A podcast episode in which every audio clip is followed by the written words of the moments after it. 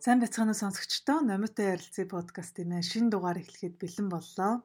Хэсэг хугацаанд подкаст маань төр завсарсан. Тэгээ энэ хугацаанд асууд сургалж исэн, мессеж бичиж исэн олон сонсогчдоо их баярлалаа гэж хэлье. За өнөөдрийн дугаар бол хэдхэн хоногийн дараа болох гэж байгаа. Олон улсын эмэгтэйчүүдийн эрхийг хамгаалах буюу бидний хэлдгээр Мартин 8 зориулсан дугаар байгаа. Тэгэхээр өнөөдрийн дугаараар эмэгтэйчүүдийн ажлын талбар дээр за хойшин татдаг зуршил, эмэгтэйчүүдийн манлайлал, ажил амьдралын тэнцвэртэй байдал гэдэг олон сэдвийг хөндөж ярих болно. Тэгээ эмэгтэйчүүд гэл ярихаар эрэгтэй сонсогчд маань сонсож байгаа бол эмэгтэй хүмүүстэй ажилтдаг, эмэгтэйчүүдийн манлайлалыг дэмждэг, удирдлагын чадвараа дээшлэхийг хүсдэг хүн болгон сонсоосоо гэж хүсэж байна. За өнөөдрийн хамгийн том нэг сюрпризийн нэг бол манай зочид байгаа. Тэгэхээр зочинтой ярьцлага хэлбэрээр өнөөдрийн дугаараа хүргэнэ. А яг тодорхой ажендаа эсвэл ямар нэгэн сэдвийн хүрээнд гэхээс илүүтэйгээр нэлээд чөлөөтэй байдлаар дөрвөн эмэгтэй арай олно гэж итгэж байна.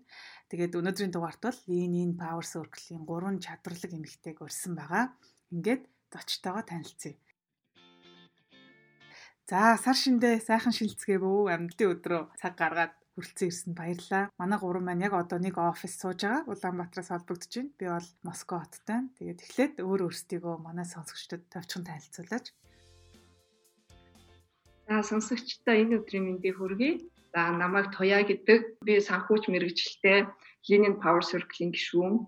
А яг одоо болохоор Тайваны соёлын их сургуулийн докторант ажлын хувьд Эрдэнэс Монгол компанид ажиллаж байгаа. За тэгээд ажлынхаа хажуугаар болохоор TED-ийн TED Translators төслийн монгол хэлний зохицуулагчийг хийдэг. А гэхдээ бас сүүлийн үед жоохон хөндөрөө TEDx Улаанбаатарыг 2018 оноос хойш зохион байгуулж байгаа. А хоёр хөөрхөн хүүхдийн ээж, том хүү маань 9 настай, охин маань 5 настай. Чөлөө цагаар болохоор non fiction ном унших дуртай. А яг одоо уншиж байгаа ном гэвэл Yuval Noah Harari-гийн хүн төрөлхтний бидний товч түүх гэж нэг номыг эхлүүлсэн байгаа. За тэгээд өнөөдөр та бүхэнд өөрийнхөө хэмжээнд чадан ядан эмгтээчүүдийн тухай ярих болно. Аа. За баярлалаа Туя. За сайнуд намаа намайг одоо гоё энэ подкастт оролцуулж байгаад их баярлалаа.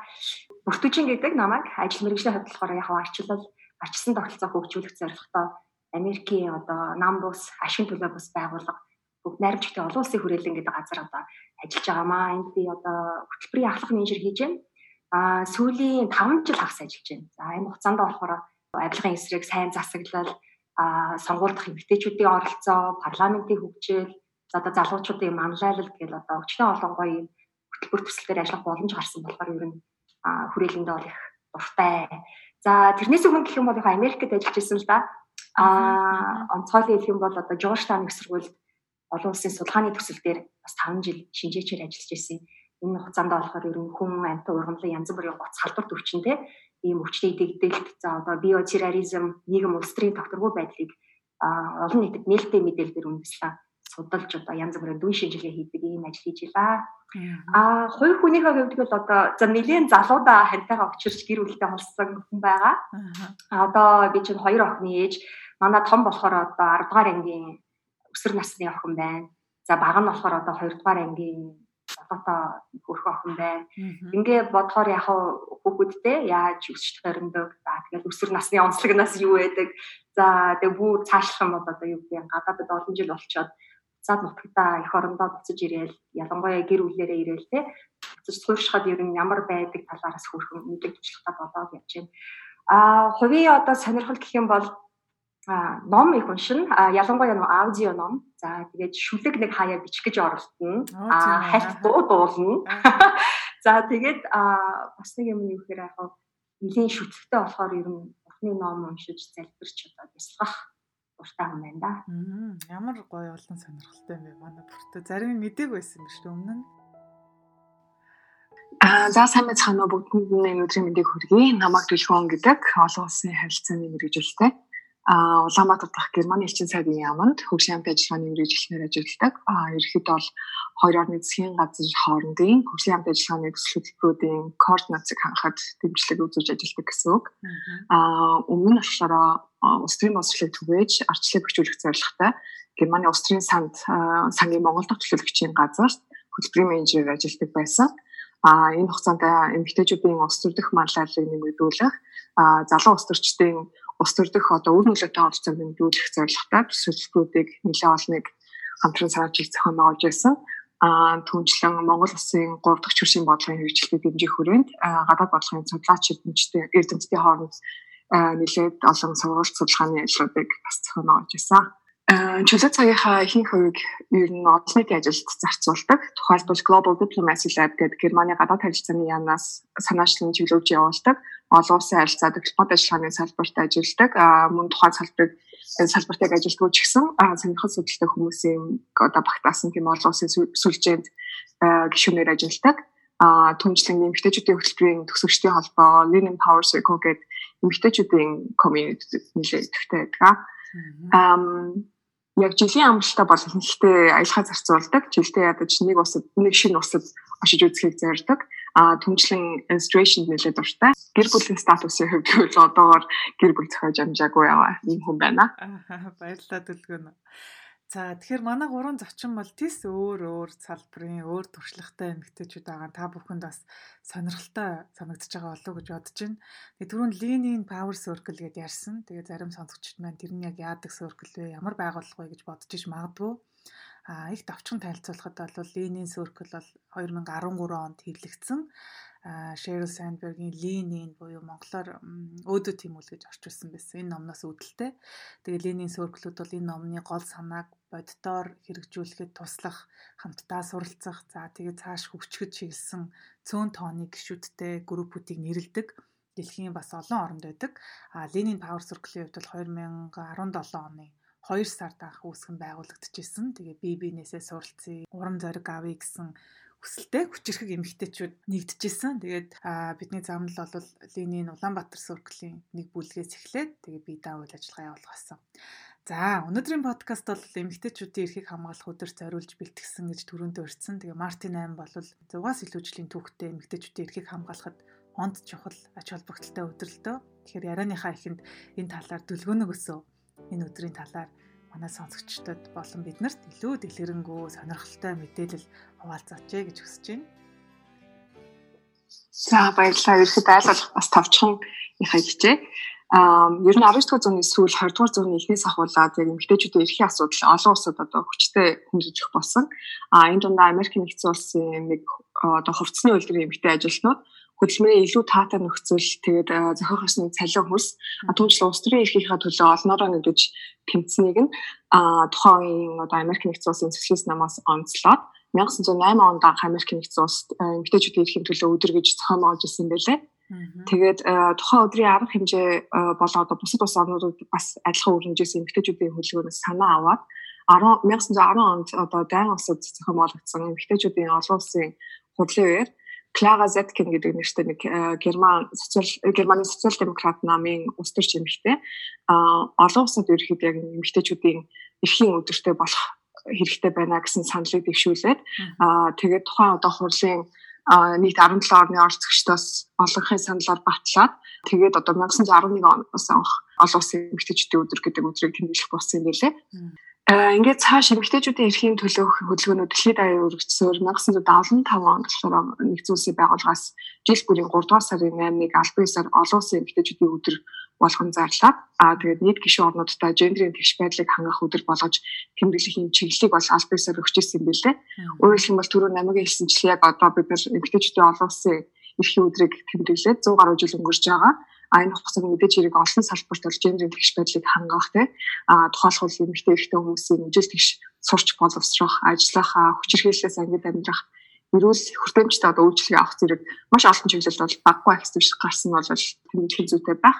А гэхдээ яг энэ хурдаар одоо гендер тэгш байдлыг хангах чиглэлээр ажиллах юм бол бидний дахиад 100 орчим жил хэрэгтэй гэж одоо 19 онд 2019 онд нэрлэгдсэн дэлхийн эдийн засгийн форумын Global Gender Gap гэж репортод тэмдэглэсэн байлээ.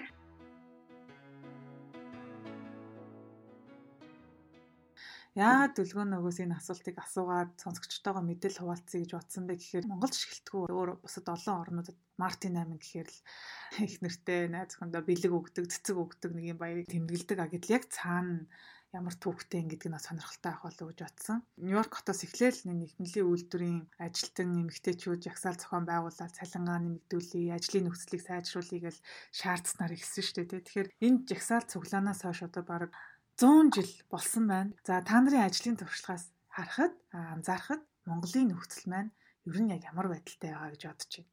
Монголд ажиллаж байгаа нөхцөлд эмэгтэйчүүд эрэгтэйчүүдтэй харьцуулбал хэр бэрхшээлтэй тулгардаг гэж бодож байна. За би ч бод нөгөө санхүүгийн болохоор тоо ярих аюу дуртай. Тэгээд нөгөө нэг олон улсад зөндөө судалгаа хийсэн байдаг юм байна лээ. Аа Монголынхаа тоог ярил манайханд илүү бас ойр байх болов уу гэж бодож байна. Тэгээд үндэсний статистикийн хорооноос гаргасан судалгаагаар болохоор эрэгтэй болон эмэгтэй хүмүүсийн цалингийн ялгаа нь 20 хүртэл хувь байдгийг байна л та. Аа тэгээд хамгийн сүүлийн үеийн тоо мэдээлэл нь 19 оны 3-аар улирлаар байгаа. Тэн дээр болохоор эмэгтэйчүүд эрэгтэйчүүдээс 19%-аар бага цалин авдаг гэсэн тийм тоо баримттай лээ. Судалгааг бол сонсоход юм байна те. Яг бодит байдал дээр яг одоо адилхан туршлагатай, мэдлэгтэй, тий боловсралтай, эрэгтэй, эмэгтэй хоёр хүн байгаа тохиолдолд яг цалингийн зөрүүн дээр ч юм уу. Тэгэхээр яг гендерээсээ болоод бэрхшээлтэй тохиолдож исэн тийм зүйл яг ажиглагдчихсан уу? Аа за миний хувьд ажилд орох эсвэл тодорхой одоо үүрэгт ажил хүлээн авахд яг эмэгтэй хүн болохын сул тал мэдэрчсэн тохиолдол а тунцэн. Яг л манай олон улсын хамтын ажиллагааны салбар өөрөө нөө эмэгтэйчүүд нэлээд олонтой бас холбоотой байдаг байх л та. А харин одоо яг ажлын орчинд те эмэгтэй тэр дундаа залуу эмэгтэй хүн болохын хувьд арай сул тал зэгтэй тохиолдол бол үе гардаг. Аа тухайлх юм бол одоо нэг өмнөх ажлынхаа өрөөнд одоо орон нутгт хэрэгжүүлжсэн төслийнхаа үйл явцад танилцахаар би нэг дадлахын эрэгтэй оюутан байгаа одоо нэг орон нутг руу явсан. А тэгээд машинаас буухад одоо тухайн орон нутгийн удирдлагууд нь хүлээж авдаг шүү дээ.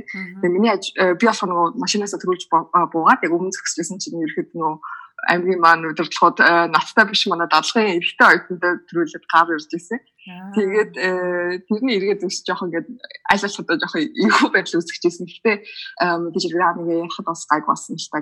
Бодоо үзэх юм бол жишээ нь би нэг дунд иргэн насны эрэгтэй хүн байсан бол бас тийх байсан хэсэгт бол нэлээ эргэлзээтэй. Гэх юмчлээ одоо яг манай Монголын орчинд бол харцсангуу нөгөө гендрийн хөвшмөл дүр төрхүүд бол нэлээ өргөн байдаг болов уу? Тийм. Ааха. Аа. Агт саяг дүлгөөнөг хэлсэнчлэн мэдээч хэрэг төр гендрийн одоо өдөр тутмын асуудал. Одоо жишээ нь захирлуудын уулзалтан дээр сууж байхад хэрэг би одоо ганцаараа эмэгтэй байгаад уулзах байгаа захирал маань одоо нэг нь за ус байна уу гэж асуухад бол би яг ганцаараа босоод яваад ус авчих ёстой ч юм шиг. Хэрэгтэй ч юм шиг тийм мэдрэмж төрдөг л таа надад та нар ч яадаг вэ? Бүртөө маань юу гэж бодож байна? Бас энэ чиглэлээр нэлээд судалгаа ажил хийж исэн баха тий Аа за баярлаа. Харин тий ер нь яг Монголынхаа нөгөө ажлын байрны онцлогийг ер нь харж хахад мэдээж хэрэгээр салбар салбараас өөрлөлтөө тийм ээ. Байгууллагын одоо соёл ч гэсэн газар газарт өөр байгаа.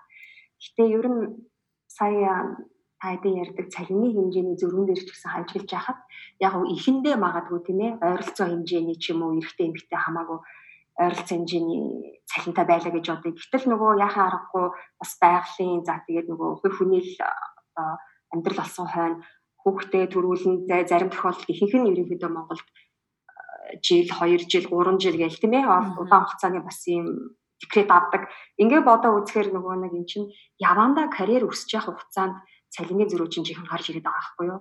Одоо юу гэдэг ажилласаа ингээ чөлөө аваагүй байсан эрэгтэй хүн тийм ээ а жилд 2 жилд 3 жилд ер нь ямар их улам их амжилт гаргаж чадахгүй тийм ээ. Тэгэл цалингаа хэдэн хувиар нэмэгдүүлж чадахгүй. Тэр чинь нэг жил нэмлэхэд дараагийн жил чинь дахиад хэдэн үе нэмлэхэд чинь ингээл байнгын одоо өсөж байгаа юм баггүй юу. Тэгэхээр юу гэдэг а энэ яхаа аргагүй эмэгтэй эрэгтэй хүмүүст одоо онцлогтоос онцлогоос нь болсон ч гэх юм уу жоохон зөрүүтэй зүйлс бол юм ажиглах сэтгэл та. Одоо Монголдо харж яхад бол хамгийн одоо энгийн жишээ гэхэд аа ажлын байран дээр чинь нөгөө хүүхэд төрүүлсэй дараах чөлөөг заавалчгүй эмэгтэйчүүд нь даваад ах шиг харагдаад байна л да. Мэдээж эргээр э, одоо нялх бийтэй хүн болсон хойно одоо бие одоо жас чөлөө авах нь. А гэхдээ зарим эмэгтэйчүүд болохоор буцаж орохыг бас боддог байгаа. А тэгтэл нөгөө эрэгтэй хүн буюу хүүхдийн эцэгт нь тийм ээ ажлаас ажлын байрнаас нөгөө хүүхдээ болсных дараах тэр нөгөө чөлөөг нь олохгүй байх тохиолдол аягүй түнэлээд өгөө. Эсвэл нөгөө эрэгтэйчүүд нь ажлын байраас нь олгосон ч гэсэн бас юу гэдэг нийгмийн хүлээлтэд дагаад ч гэх юм уу өөртөө яг сайн дураараа авах бас сонирхолгүй байдаг юм шиг харагдаад байна.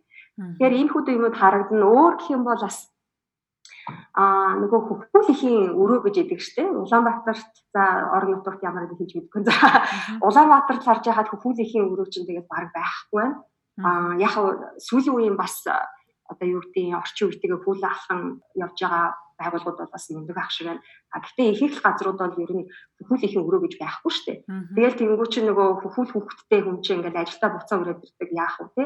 А би бол одоо юу гэдэг хуучин нөгөө Америкт ажиллаж исэн газар газар болохоор хит хит эмгтээчүүд зэрэг зэрэг нэг айгүй олон хүн ажиллаж ирсэн болохоор зэрэг зэрэг төрсөн л дөө. Бид нар тэгээд бүгдээрээ нөгөө хөхүүл ихэн өрөөгөө ашигладаг. Ороод сүүгээр саагаад тэгээд бүрөгчөндөө зүгээр сайхан хадгалаад оройн очоод нэлхүүхтэй те ундаалал ингээл явж идэг гэсэн. Тэгээд сургуульд ч гэсэн одоо Америкт бол их сургуулийн одоо янз бүрийн нойлын өрөөнд ч айгүй тухтай, айгүй том. Тэгээд одоо хүл ихийн өрөө байхгүй ч гэсэн нойлын өрөөнд нороо сайхан сүүгээ сагаад ингээл явчдаг. Тэнгүү чинь юу гэсэн үг вэ гэхээр юу гэдэг ажиллаж байна уу, сургуульч байна уу тэрийг ядаж өргөшүүлээд явах боломж жоохон баг зэрэг ч гэсэн нэмэгдээд байгаа байхгүй юу? Хэвээ одоо юу гэдэг баг насны хүүхдэд мөртлөө ажиллаа хийе гэж бодож байна. Аа бас нэг юм надад ажиллаж сэтгэл да энэ бас манай ажлын шумаарч гэсэн бид нар нэг юм юу хийж исэн ер нь жоохон улс төрийн маягийн ийм судалгаа байсан. Тэгээ ерөнхийдөө юу гэхээр одоо эмгтэй хүмүүс тийм ээ одоо ажилдаа ялангуяа нөгөө өдөр тох төвшөнд ажил төрлөө эрхлээ явж байхад ямар хөө саад бэрхшээл тулгартай юм те тэр талаар ерөнхийдөө судалгаа хийх явж байхад хамгийн түрүүнд харж ирсэн юм бол хэрэг мэдээж ирэхээр нийгэм соёлын онцлог байсан. За гэхдээ тэрнээс гадуур гэх юм бол бас нөгөө ажлаас гадуур одоо нэтворкинг хийх нь ямар ч хүний тийм ээ ажлын карьерт бол айгүй нөлөөлдөг аахгүй юу. Одоо нэтворк гэхэд юу юу арах вэ? Жишээ нь кофе цай ууж тийм ээ. А одоо нөлөө өгөх хүмүүстэй уулз санаа оноогоо илэрхийлэх санаагаа солилцох тийм за эсвэл одоо гадуур хоолнд хамт орох. За юу гэдэг баяр ёслолоор олноороо эсвэл гэр бүлээрээ тийм ээ уулзаа зочлоод за эсвэл спорт хамт үзэх тоглох гэх мэтчлэн тэгээд улаан одоо Монголын нөхцөлтэй юу гэдэг вэ гэхээр бидний одоо миний хувийн зүгээс ажиллаж байхад болохоор шийдвэр гаргах төвшөнд тэрхэтэргүй эмэгтэйчүүдийн одоо тоо нарай цөөн байдаг болохоор яг одоо юу гэдэг энэ нет ажлаас гадуурх нэтворкинг хийх гэхээр а эмгтээчүүд маань аюух эрэгтэй хүмүүстэй хамт цаг өнгөрөх хэрэг гараад идэг байхгүй юу. Яа тэгэхээр уул нөгөө шийдэр гарт төвшин хүмүүс нь их эмгтээчүүд байгаа болохоор а салбар салбар өөр гэхдээ тийм ээ. Ерөнхийдөө авч үзэх юм бол ийм болохоор нөгөө юу гэдэг хувийнхаа зүгээс ч юм уу санаа зовоод эсвэл одоо тийм буруу зөрүү ойлголт өгчихвээ ч гэдэг ч юм уу өөрийгөө цензуурлээд бас энэ нэтворкинг айгу багасхтай юм шиг ажиллагдаад байгаа юм. Аа тэгвэл энэ чинь нэтворкинг үеэр маш их боломж гарч ирдэг байхгүй одоо жишээл олон нийтэд э, хамаагүй дэлгэхгүй байгаа мэдээлэл ярин тэ эсвэл одоо юу гэдэг байгууллагын стратеги янз бүрийн юм ярилцсан гэдэг. За өөр бас нэг юм надад дуртай гэвэл одоо нөгөө насны яг эмэгтэй хүмүүсээс эмэгтэй хүмүүст одоо юу гэхээр насны ялгуурал нэг явагдаад идэм болов гэд. Тэгээ энэ дээр болохоор зөвхөн залуучууд гэхгүй бас айгүй тийм эд тийм ээ. Сайхан ажлын туршлагаа хөрөнгөлүүлсэн амьдралын туршлагатаа үр хөвгтүүд нь одоо юу гэдэг насанд хүрсэн ингээд нэг яг нэг бүрэн дүүрэн сайхан ажил карьертаа хамаг анхаарлаа хандуулъя цагаа зарцуулъя гэхээр эмэгтэй хүмүүс айгүй эрт өндөр наснд нь тооцогдоод ах шиг санагдаад байгаа юм. Ингээд харах зүгээр ажиглалт хийхэд. Энэ их хөрөнгөлүүлсэн эрдэм мэдлэг энэ туршлагаа ашиглаад үнэхээр одоо юу гэдэг нь үрдэнтэй ажиллая гэхээр тэр бололцоог нь яахын аргагүй нэг нийгэм соёлын онцлогоос болоод ч гэх юм уу ингээд ясны насны ялгарт ороод багасаад байгаа нь айгүй харамсалтай юм шиг санагдав. Аа. Нэр тийм шүү те. Ер нь зарим хүмүүс илтгэлтэй зүүн Аз, Намхан далайн ер нь бүс нутгийн ихэнх улс орнуудтай харьцуулахад бол Монгол улсад бол гендрийн тэгш бус байдал харьцангуй бага байдаг гэж хэлдэг те юм судалгаанууд ч байдаг. Аа гэтэл зарим хүмүүс болохоор удирдах төвшний те CEO захирлын хэмжээнд ингээ харахаар Монгол улсад бол их томоохон компаниудыг удирдах байгаа хүмүүсийг нь хуваар нь харахаар бас одоо Европын орнуудтай харьцуулахад бол хамаагүй гайвуу гэж ярьдаг боловч яг тэр gender discrimination гэдэг байгаа тэр гендерийн эргэлтэх биш байдлыг Монголд маш олон тал зөрүүтэй юм шиг санагддаг л да. Одоо чинь ажлын ярилцлагаас эхлээл те. Гендерийн эргэлтэх байдаг хангах тухай хууль гээд байдаг дээ те. Тэрийг бас би таадтай ярилцахаас өмнө харж илаа л да. Тэрэн дээр болохоор яг ялгарлан гадуурхгүй байх зарчим гэ те. Эрэгтэй эмэгтэй хүн бүр нас, хөөс, ажил, албан тушаал, үзэл бодол. Тэг хамгийн гол нь гэрэлтийн байд, боловсролын ялгаа зэрэг үл харгалзан гадуурх ёсгүй гэх мэрэгжлийн одоо шалгалт, сонгон шалгалтын дүнгээр бас ажилд орч чадаагүй иргэн. Тухайн сонгон шалгалтаар ажилд орсон эсрэг үйлсийн хүний боловсрол, мэрэгжил, ажлын дадлага туршлага болон бусад шалгуурын талаар ажил олгож бас бичгээр тайлбар өгөхийг шаардах хэрэгтэй гэдэг үртэл байдаг юм лээ. Тэгэхээр Монголын нөхцөлд болохоор ажлын ярилцлагын үеэр за гэрс нүү хэдэн хүүхдтэй вэ? Өө хүүхдгүй юм уу? Хүүхдтэй олох төлөвлөгөө байгаа юу? За хүүхдтэй бол хэдэн настай юм? Өө тийм жоох хүүхдтэй юм уу ч гэдэм үү? Тэ ачаал даах уу? За зарим тохиолдолд одоо ингээд манай компанид ороод тийм хүнтэй суугаад хүүхдтэй олоо явчихгүй үсттэй гэдэг үртэл асуудаг л та. Тэгэхээр энэ нөхцөлд ер нь яг яах хэвтэй юм бэ? Яг бодит байдал дээр бол мэдээж хэрэг тухайн хүнд санхүүгийн хувьд мөнгө хэрэгтэй байгаа, ажилтаа олмоор байгаа учраас өө гэр бүл зохиохгүй гэдэг юм уу те. Бараг амралтаа өхөн холгүй ингээ ажилд орчдөг. Эхний басандаа тэр хүмүүс ч одоо үзмэрч болж ийн л гэсэн үг шүү дээ. Өөрийнхөө амьдралыг ирээдүйд юу болохоо мэдээд байна гэсэн үг те. Гэтэл тийм боломж бол бодит байдал дээр байхгүй. Тэгэхээр та хэд маань энийг юу гэж бодож байна? Ер нь ингээд одоо залуу эмэгтэйчүүд залууч гэлтгүү. Яг ингээд хүссэн ажилдаа орё гэд очихоор гэр бүлийн хувьд хувийн чанартай юм олон асуултууд асуугаад байх юм бол яг яах ёстой юм бэ? Тэгээ миний хувьд бол одоо наадах чи юу гэж харах вэ гэхээр тухайн байгууллага одоо энэ ажил хайж байгаа энэ хүнийг хөндлөхгүй байна л гэсэн үг. Одоо юу гэдэг анх ингээд би бин тэгээ танилцж байгаа яг ийм интервью явагдаж байгаа анхан шатны ийм одоо юу гэдэг те төвшин дээрээ манай байгууллагын соёл ийм ээ. Бид нар бол ингээд хувийн амьдралыг бол хүндэтгэлгүй. Одоо юу гэдэг эсвэл ингээд гэр бүлээ төлөө явах гэж байгаа эмэгтэйчүүдийг бол ажилд авах сонирхолгүй гэдгээ өгшөө илэрхийлж ивэл I mean энэ байгууллагад үнэхээр ажилламаар байна уу? Алсын хараатаагаар бас интервью ярилцлагыг бол ажил хайч намайг таньж мэдхийн тулд зөвхөн энэ интервью хийж байгаа юм одоо шалтгаан биш юм шүү. Энд чинь бас ажил хайж байгаа хүн нь нөгөө байгууллагаас таньж мэдэх. Тэгээд нөгөө талаас бас харахаар яг энэ асуултыг асуугаад хүний нөөцийн зарим нэг менежерүүдтэй уулзж ирсэн л да. Тэгэхэд бас нэлээд хэдэн хүмүүс надад юу гэж хэлж ирсэн бэ гэхээр үгүй ингээ манай компани ингээ хүмүүс авдаг. А тэгээ зарим хүмүүс бол одоо CV-н дээрээ бичснээрээ бол 7 жил ингээ манай компанид ажилласан гэд байдаг. Гэтэл яг ясам дээрээ нөгөө маань ерөөсөө манад ганцхан жил хагас л ажилласан. Яа тэгэхээр 3 удаа төрөөд тэгээ декрет аваад ингээ явцсан. Тэгээ бид нар хуулийнхаа дагуу халж болохгүй А гэтээ манай компани ингээ алдагталтай. Иймэрхүү хүндрэл байдаг болохоор бид нар яалтчгүй асуух хэрэгтэй маа гэж бас хэлдэг байдаг л та. Тэр тал дээр манай туяа дүлгөөнөө хоёр маань юу гэж бодож байна. Тэг бид нар бол хүний нөөцийн яг мэрэгжлийн үүднээс биш зүгээр ингийн хувийн үзэл бодлоо илэрхийлж байгаа шүү дээ. Тэрийг сонсогчд манаас ойлгох ба. Миний болохоор нөгөө таньдаг найзууд байд юм уу бас танилуд дотор ийм асуулт өөрөөс нь асуусан би ярьжсэн зөндөл байгаа л да. Тэгэл гэр бүлтэй юу одоо тэгээ хідэн хүүхдтэй вэ гэдэг бол зүгээр л наад захын жишээ бараг л байнга асуудаг юм шүү байгаа.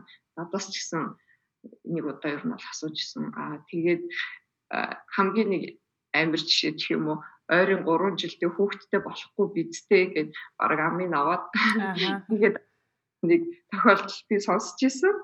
Аа тэгээд ер нь бол яг мэдээж эмэгтэй хүн гэдэг утгаар одоо эмэгтэйчүүдийн эрхийг хамгаалах үүднээс хуулиа мэдээж хэрэг дагах нь зүйтэй. А тэгвэл эмэгтэйчүүд маань өөрсдөө бас энэ тал дээр илүү хариуцлагатай ажил олгогчтойгоо илэн далангүй байх хэрэгтэй болов уу гэж би бодлоо. Хариуцлагатай байх хэрэгтэй юм шүү. Тэ айл ал талдаа. За миний болохоор ерөөхдөө энэ дээр ингэж бодож байна. Мэдээж хэрэг одоо эрэгтэй хүмүүс харьцан нөгөө ажлын одоо нийт хамт олонны ихэнхийг нь бүрдүүлж ирсэн түүхтэй болохоор эргээд яг өнөө цагийн одоо HR-ийн бодлого маань илүү яг эрэгтэй хүмүүсийн онцлогт суурилсан тийм илүү тэр одоо онцлогт нийцсэн бодлого явагдаад байгаа юм болов уу гэж хардгийг. А нөгөө талаас орчин цагийн бас давуу талуудыг ашиглах боломж юу нэг гарч ирж байна л. Жишээ хагас цагаар ажиллах тийм а эсвэл онлайнаар ажиллах ч гэсэн боломжууд ер нь бол сүүлийн үед энэ цахим нэрнтэй холбогдоод бий болж байгаа болохоор энэ талын бас илүү уян хатан бодлогуудыг одоо тухайн ажил олгогч байгууллагууд маань бас бий болох юм бол илүү юм одоо нээлттэй ил тодтэй шудраг бас аль аль талаас ажиллах боломжууд бий болох юм болоо гэж бодож байна. Нэрээ тийм шүү те. Аа ерөөд бас нөгөө нөгөө талаас аваад үзэх юм бол ер нь яагаад одоо хүүхд төрүүлсэн эмэгтэйчүүд маань бас ийм олон урт хугацаагаар нөгөө одоо жирэмсний амралт авах шаардлага гарч байна гэдгийг бас нөгөө талаас одоо ялангуяа энэ төрийн бодлого боловсруулагчид бол харж үзэх хэрэгтэй баг тий. Үнэхээр тэр одоо хүүхдийг насрах тэр үйлчилгээ нь хангалттай байдаг. Аа нөгөө талаас яг тэр одоо тухайн төрсөн ихэд эргээд яг ажилдаа ингээд олохт нь бас одоо наад зах нь наад захаас нь ахуулаад одоо сэтгэл зүйн хямралаас нь ахуулаад бусад асуудлыг нь ч гэсэн шийдвэрлэж өгөх боломжтой тийм нийтийн үйлчилгээний бий босон цагт бас нэлээд олон асуудлууд бол шийдэгдэх боломжтой байх гэж бодож байна. Нэрээ тийм шүү те. Сүүлийн үед бол ялангуяа энэ mental health сэтгэл зүйн эрүүл мэндтэй холбоотойгоор одоо бусад орнуудтай харьцуулахад Монголд бол өөрөө үнэхээр одоо төрсний дараах сэтгэл гутралд жишээ нь ороход бол ямар нэгэн эмч ч юм уу ямар тэрийг зааварсан ерөөсө тритмент байхгүй учраас тухайн хүмүүс маань нөгөө ажилдаа орох хугацаа маань илүү удаашралдаг л та. Туяасаа энэ дээр юм байна уу? Аа тий энэ дээр нөгөө нэг түрүүн бүртөө маань хэлчихсэн те нөгөө нэг аав нарыг жишээлбэл хүүхдээ харах гэдэг шалтгаанаар чөлөө авах ч юм уу. Аа тэгэх тохиолдолд бас нэг нийгмийн зүгээс ирэх нэг тийм стереотип буюу хэвшмэл ойлголт байгаа ш тий.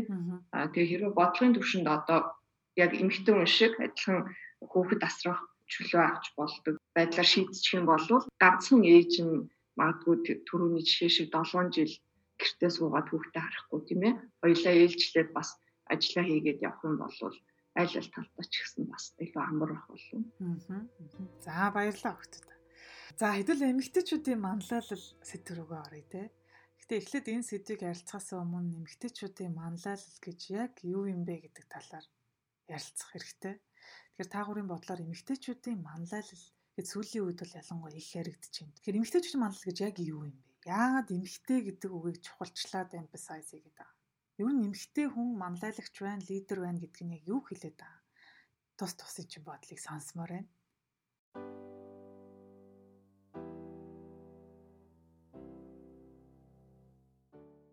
манлайлал эмэгтэйчүүдийн манлайлал хоёрын ялгаас жишээ нь гэхэд одоо юу гэдэг а альва зүйлийг илүү олон талаас харсан одоо тийм санаа оноо мэдлэг ойлголтыг ингээд бүрдүүлж өгч байгуулгын бодлого боловсруулалт шийдвэр гаргалтанд одоо энэ процессыг нэг юм баяжуулж өгдөг гэдэг байгаа байхгүй юу. Одоо нөгөө талаас харахаар бол зөвхөн эрэгтэйчүүд юм уу зөвхөн нэг л гендрийн зүгээс харах үнцэг байсан бол тэр нь илүү баяжигдана гэсэн үг.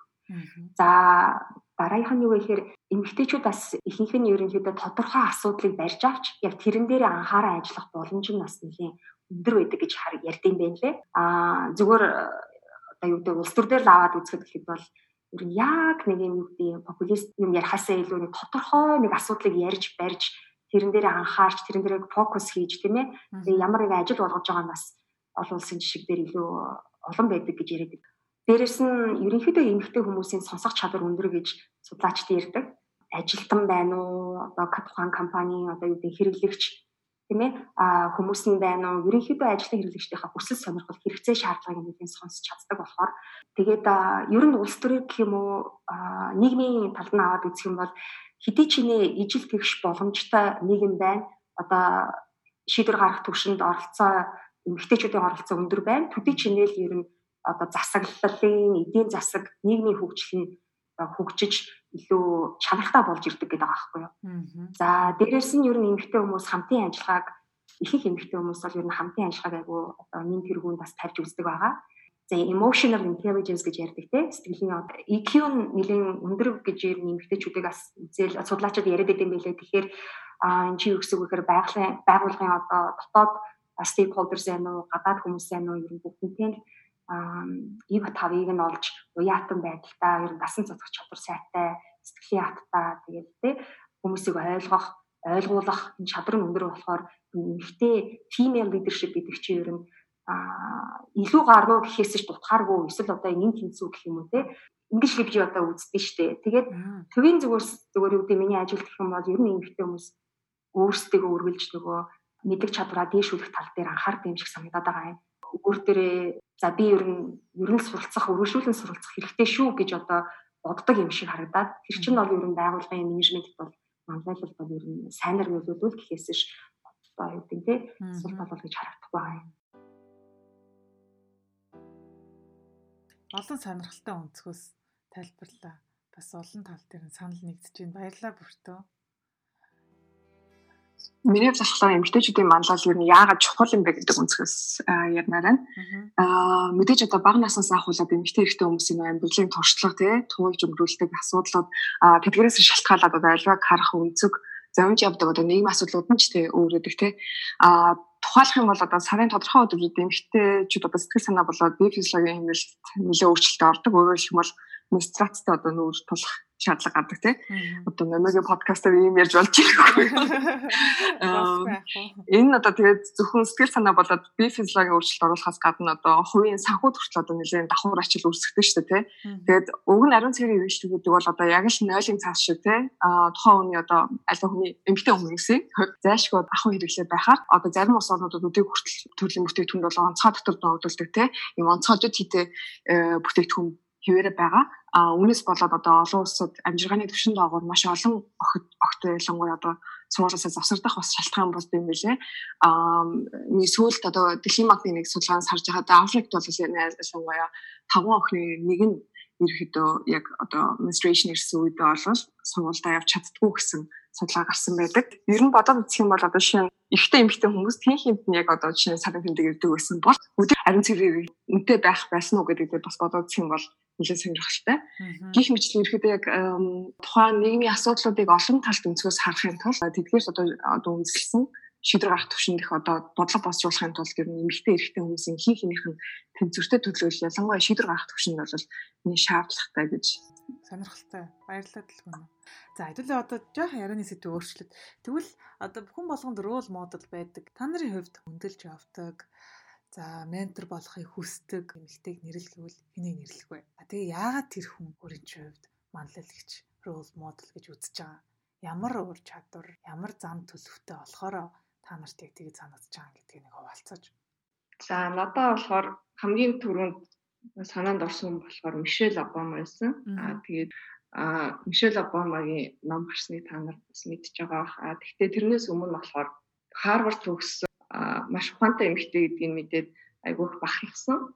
А тэгээд магадгүй Барак Обама Америк нэгдсэн улсын анхны хар арчтын ерөнхийлөгч болоход энэ хүний хүн нэмэр бас их байсан байх гэж бодож исэн.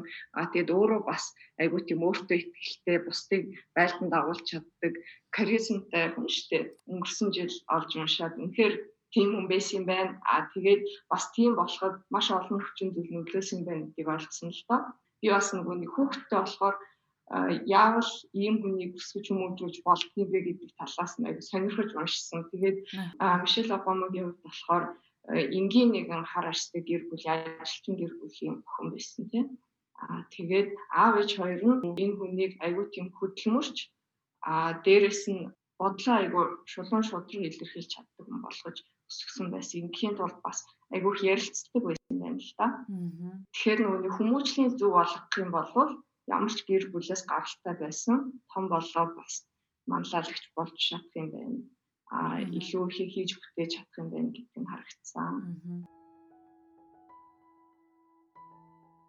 Нэмээд асуухад залуучууд маань ярьдаг л та. Би одоо яг энэ хүнийг л хүндэлтэй. Би яг таныг л ментор олгомоор байна.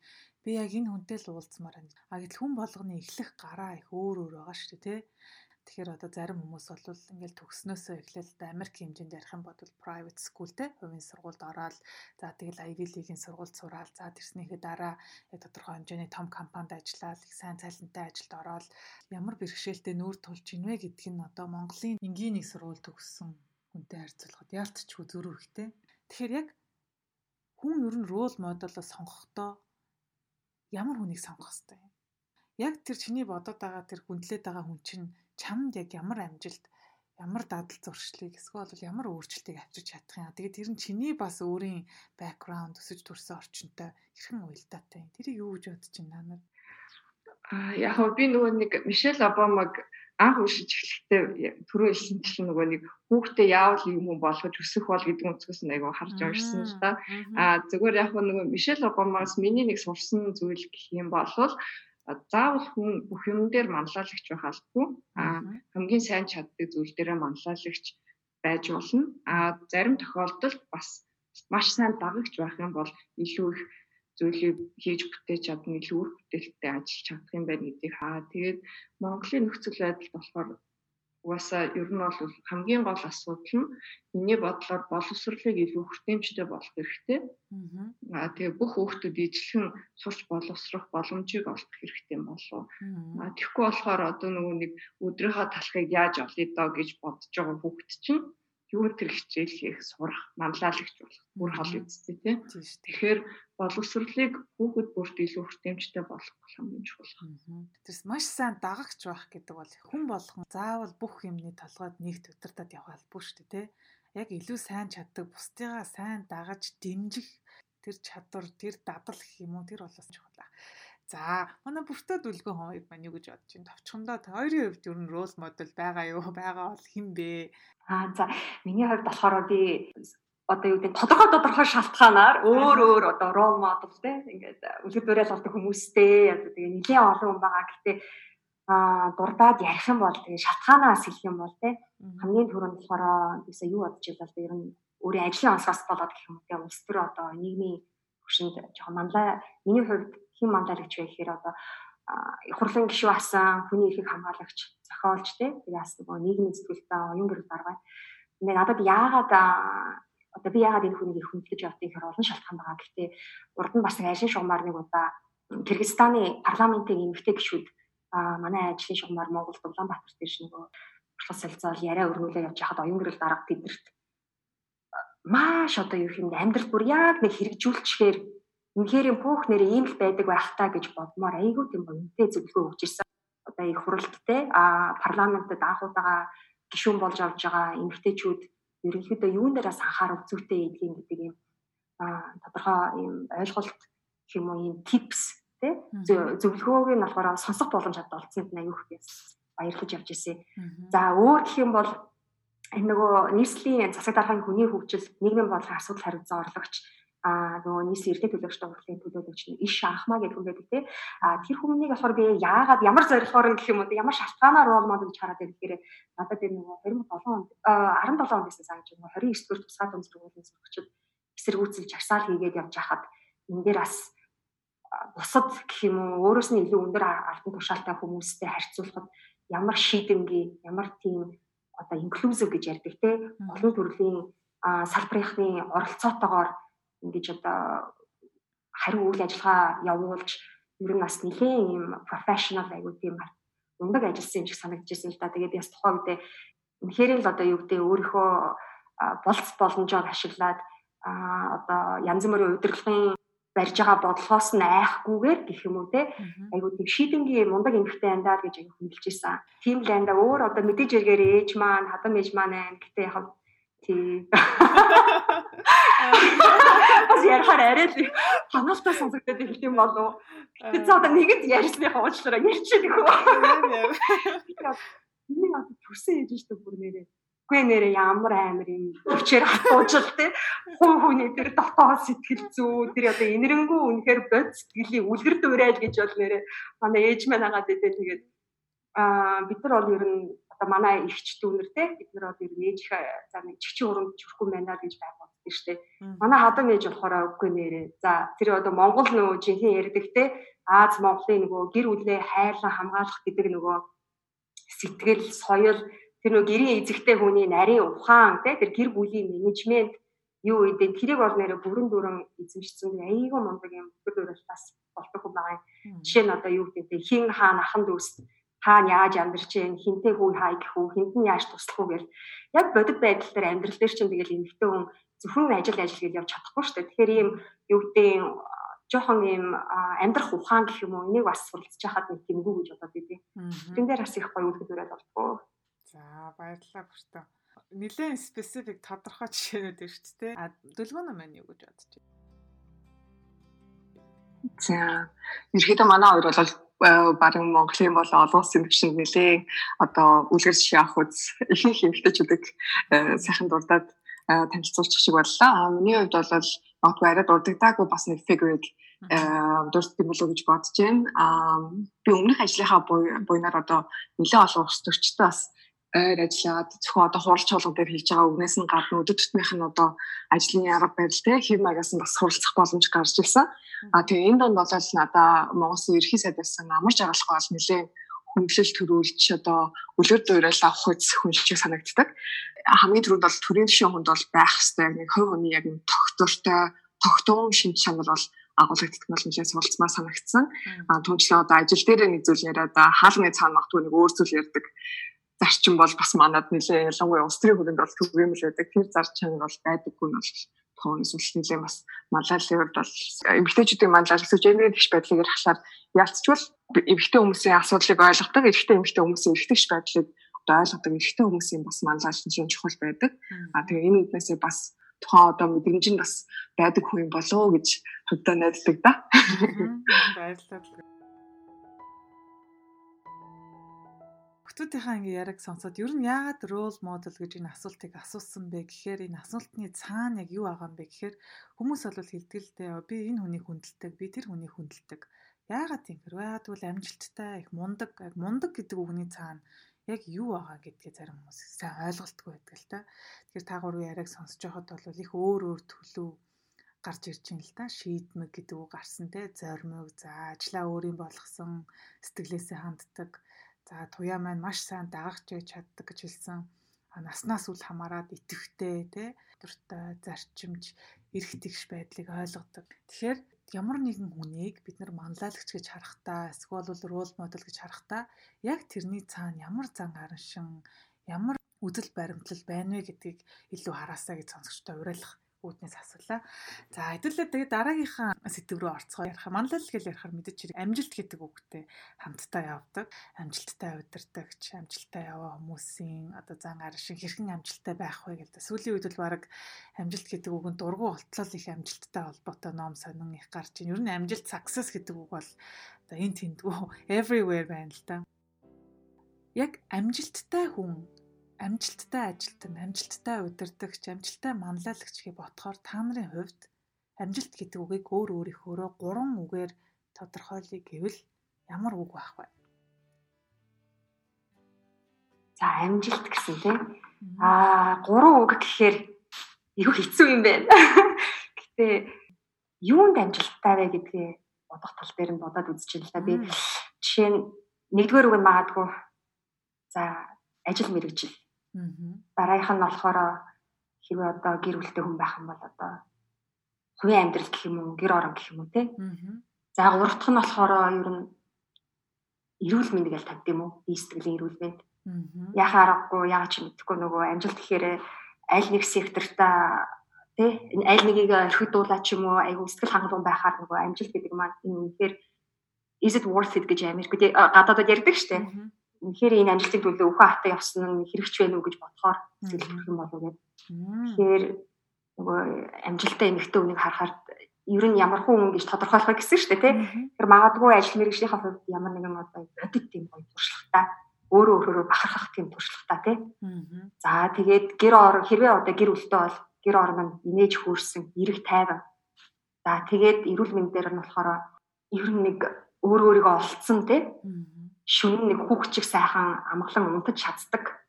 За тэгэл тийм хүнийг л их одоо юу гэдэг амжилттай эмэгтэй хүн гэж бодох юм болоо да. Тэгээ мэдээж эргээр энэ бүх юмн дээр эн чинь хитрхи төгс амжилт байгаа байхгүй юу?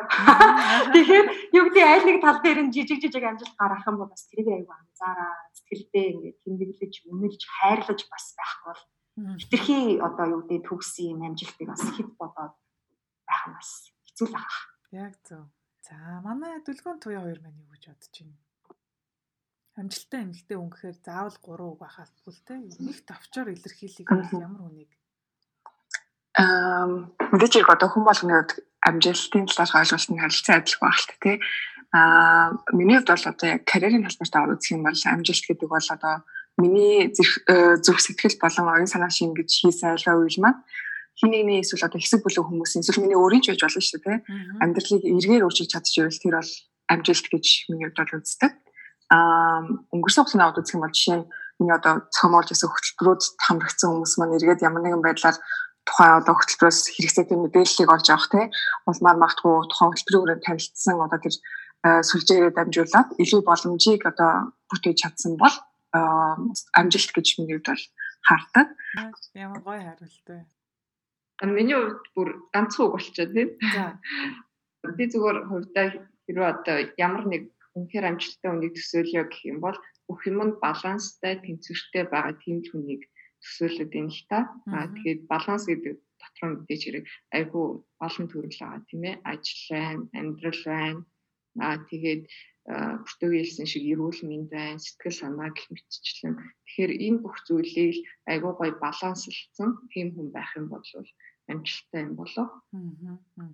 За яг үүнтэй холбоотойгоор зөвөр нөгөө амжилт гэдэг өглөөгөө эргээд орохоор ер нь амжилттай эмэгтэйчүүд эмэгтэйчүүд гэлтгүй амжилттай удирдахч хүмүүс гэхээр тодорхой хэмжээнд ямар нэгэн дадал зуршлыг өөртөө бий болгосон байдаг тий эрэг дадал зуршлыг. Тэр яг үүнтэй холбоотойгоор саяхан манай Lenin Power Circle-ийн зүгээс оюут publishing-тэй хамтраад How Women Rise гэдэг монголоор бол зоримог эмэгтэй гэдэг нэрээр саяхан худалдаанд гарсан. Тэгээ номон дээр бас өсөн дэвшгэд цаад болдог 12 зуршлаасаас алхна гэд гардаг.